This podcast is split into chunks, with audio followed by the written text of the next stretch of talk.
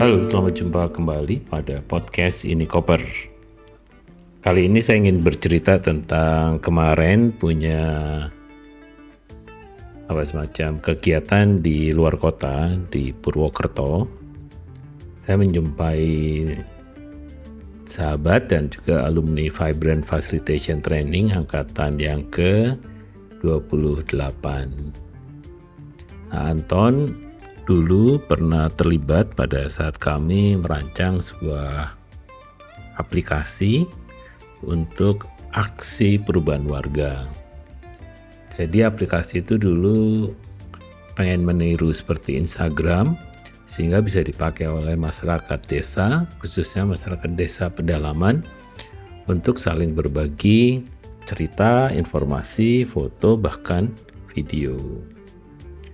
Nah, saya tidak akan membahas aplikasi itu karena sekarang sudah masuk ke generasi yang keempat dan belum tahu mau diapakan oleh pemiliknya ya.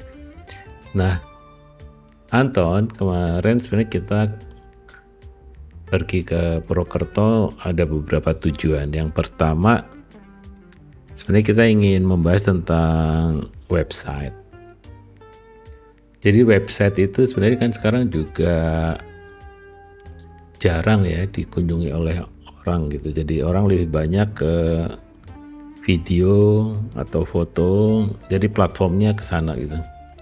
Nah, website itu menjadi sesuatu yang sesekali dilihat orang atau orang menyebutnya landing page ya. Jadi kami sebenarnya membuat website Inspirit ya sebagai landing page hanya satu lembar, isinya berbagai informasi.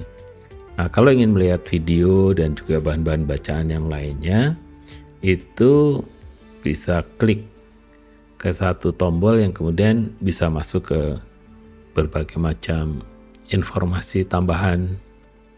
Jadi memang transformasinya dulu website kadang hanya dilihat sebagai sebagai tempat untuk menyimpan atau me, me, apa, membayangkan seperti sebuah leaflet di zaman pra komputer ya. Jadi kemudian orang membaca tentang organisasi kita di di leaflet itu. Nah, leaflet itu sekarang ya website itu. Akan tetapi sebenarnya juga orang kalau hanya informasinya statis kadang juga tidak menarik. Jadi perlu juga informasi itu ditambahkan terus-menerus sehingga orang juga berkunjung apa semacam kembali berkunjung untuk memperoleh informasi yang sesuai dengan kebutuhannya. Hanya sekarang berbagai informasi itu bisa ditaruh di platform audio misalnya. Misalnya saya gunakan Spotify, ada juga TuneIn, ada juga podcast Google, ada juga Apple Podcast. Nah, saya gunakan di sana. Nah, kemudian yang kedua, kita juga bisa gunakan video. Nah, video bisa di Spotify, bisa di YouTube juga.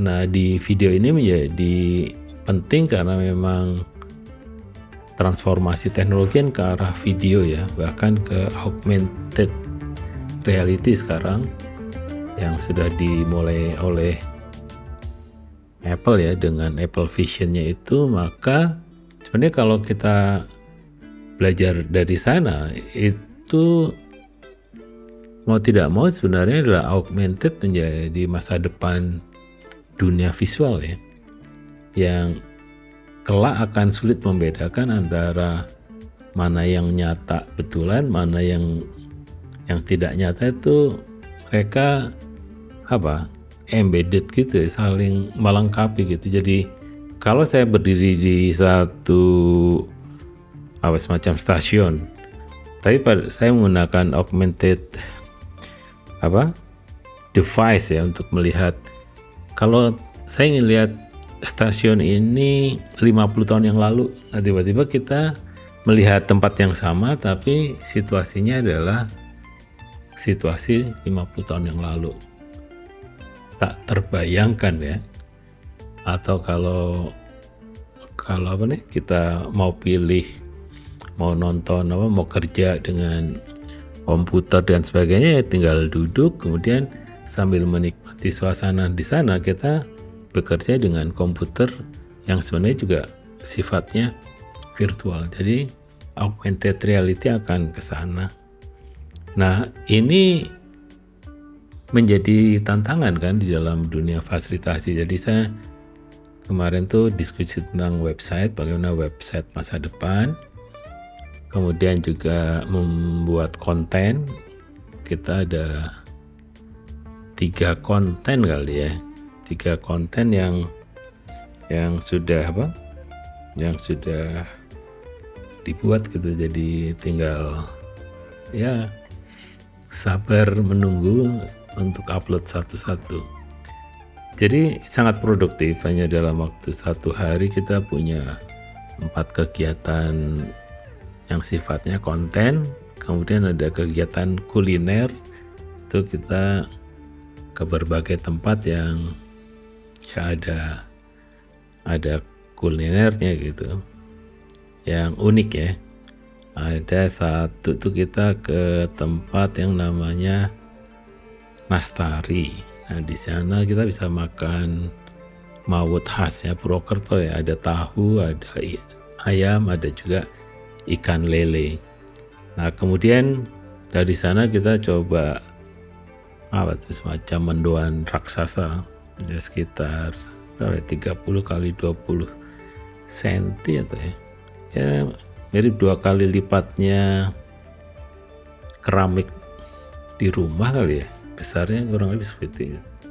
Nah kemudian habis itu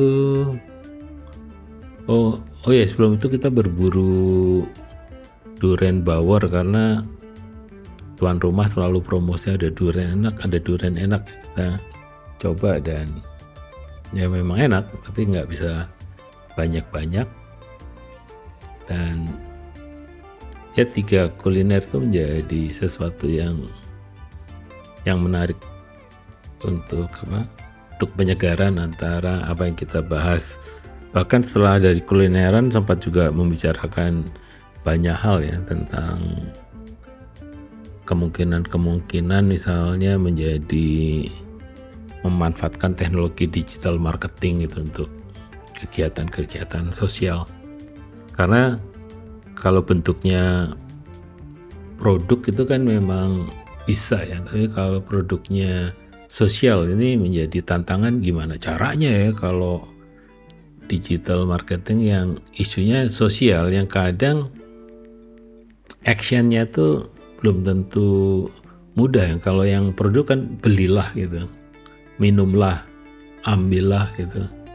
Nah kalau sosial ini kadang rumit selamatkan hutan selamatkan hutan seperti apa gitu? Selamatkan sungai gimana caranya dia masih kompleks sehingga kalau mau dijual itu juga masih banyak kendala ya untuk gimana caranya menjual ide-ide semacam itu.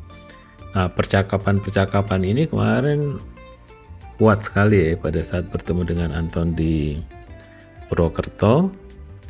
Walaupun walaupun apa, waktunya sangat pendek tapi kita ya hampir seharian ngobrol apa saja gitu. Nah kemarin pada pembuatan podcast misalnya itu kita gunakan settingnya kan outdoor. Nah itu satu tantangan sendiri kan.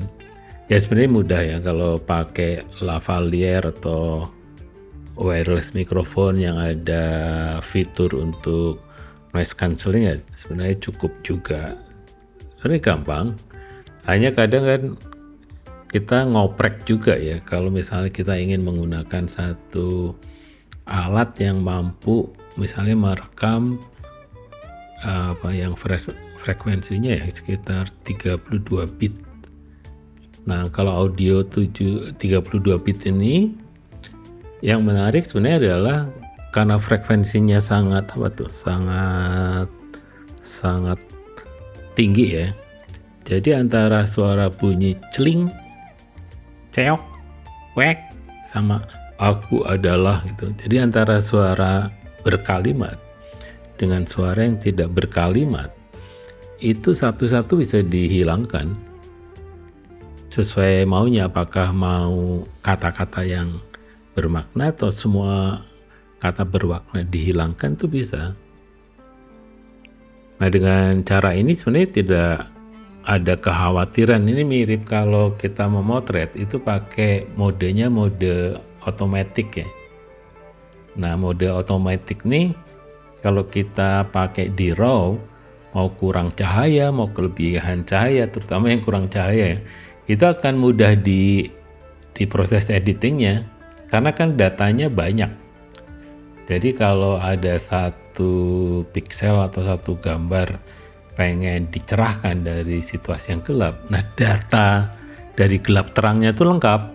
Mau seberapa kita buat terang sehingga dari gambar yang gelap gulita gitu tiba-tiba muncul gambar yang sangat luar biasa gitu.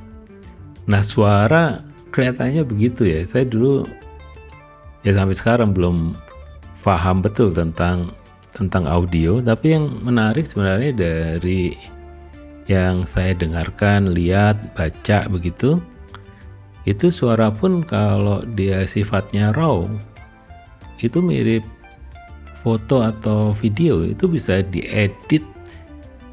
Ya semacam bit by bitnya mirip mirip apa? Mirip pixel di di gambar. Jadi bisa yang ini dihilangkan, bit ini dihilangkan, yang ini dikuatkan dan sebagainya. Bisa loh. Jadi ketika kita merekam dengan suara yang apa tuh? rumble gitu yang suara semua suara-suara masuk itu memang ada manfaatnya juga. Apakah kita ingin mendetailkan suara-suara yang tidak terdengar tadi? Ya misalnya suara buka botol itu suara apa lagi itu? Suara orang jalan kemudian ada gesek-gesekan antar antar apa antar dua benda gitu. Nah itu kadang kalau di rekaman biasa ya tidak terdengar. Yang terdengar kan hanya suara manusianya. Tapi kalau dengan yang 32 bit itu semuanya diterima sebagai data. Nah, tinggal pada saat editing kita mau mau apakan tuh suara-suaranya gitu. Mana yang harus ditekan, mana yang harus dikuatkan tuh bisa gitu.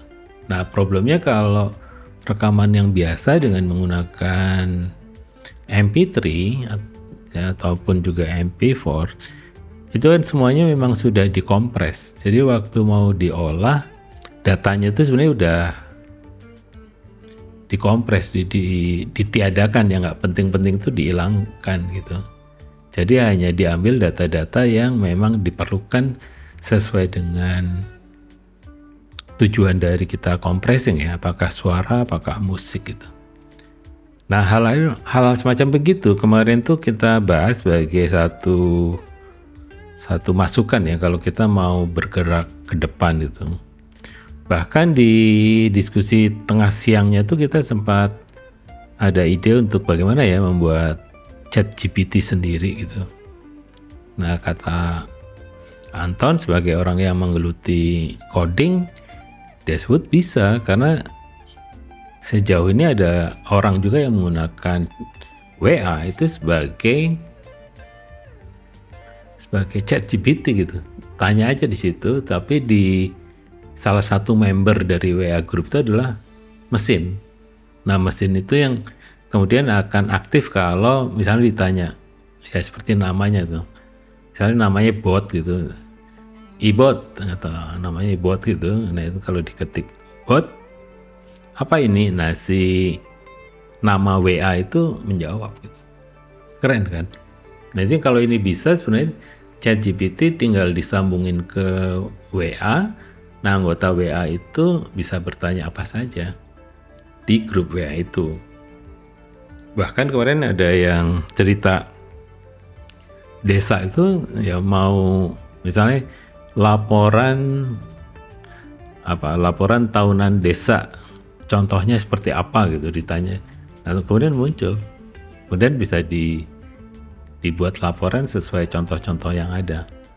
Mirip chat GPT sekarang seperti kita tanya tentang apa pun kan mereka jawab runtut ya ini juga sama hanya masuknya bukan di website tapi langsung ke WA misalnya.